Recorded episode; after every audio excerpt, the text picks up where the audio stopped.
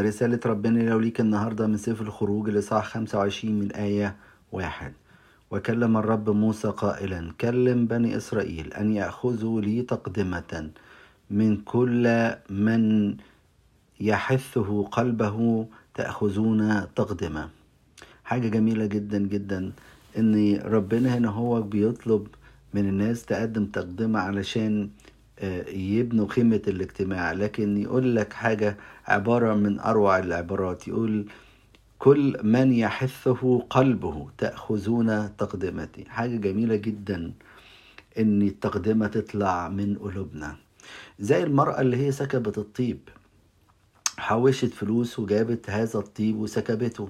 لكن بصوا الناس اللي حواليها قعدوا ينتقدوا إيه الست دي ما كنا الفلوس ديك نديها للفقراء وزي ما قال يهوذا مثلا. وابتدوا يستغربوا من اللي هي عملته. لكن قلبها حسها إن هي تقدم هذا لربنا. يمكن يقول إيه ده ده ده بمبلغ كبير.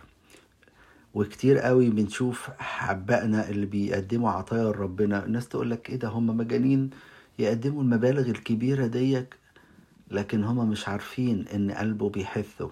وكمان إن ربنا بيقبل العطايا من الناس اللي, رب... اللي قلبهم بيحركهم إن هم يدوا ربنا. وغير ما وهنا برضك دي حاجة مهمة جدا لو قلبك مش بيحركك ربنا هيقبل منك ال... ال... العطية دي إزاي؟ يعني كتير قوي بيدي مثلا عشور ولا بيدي حاجة ولا أي تقدمة لربنا بيبقى من جواه كده متضايق أو لا إزاي؟ ده ربنا عايز منك إنك تقدم من كل قلبك. فياريت النهارده نتعلم الحكاية دي. لما نقدم حاجة لربنا يكون قلبنا هو اللي بيدفعنا نقدمها له. آمين.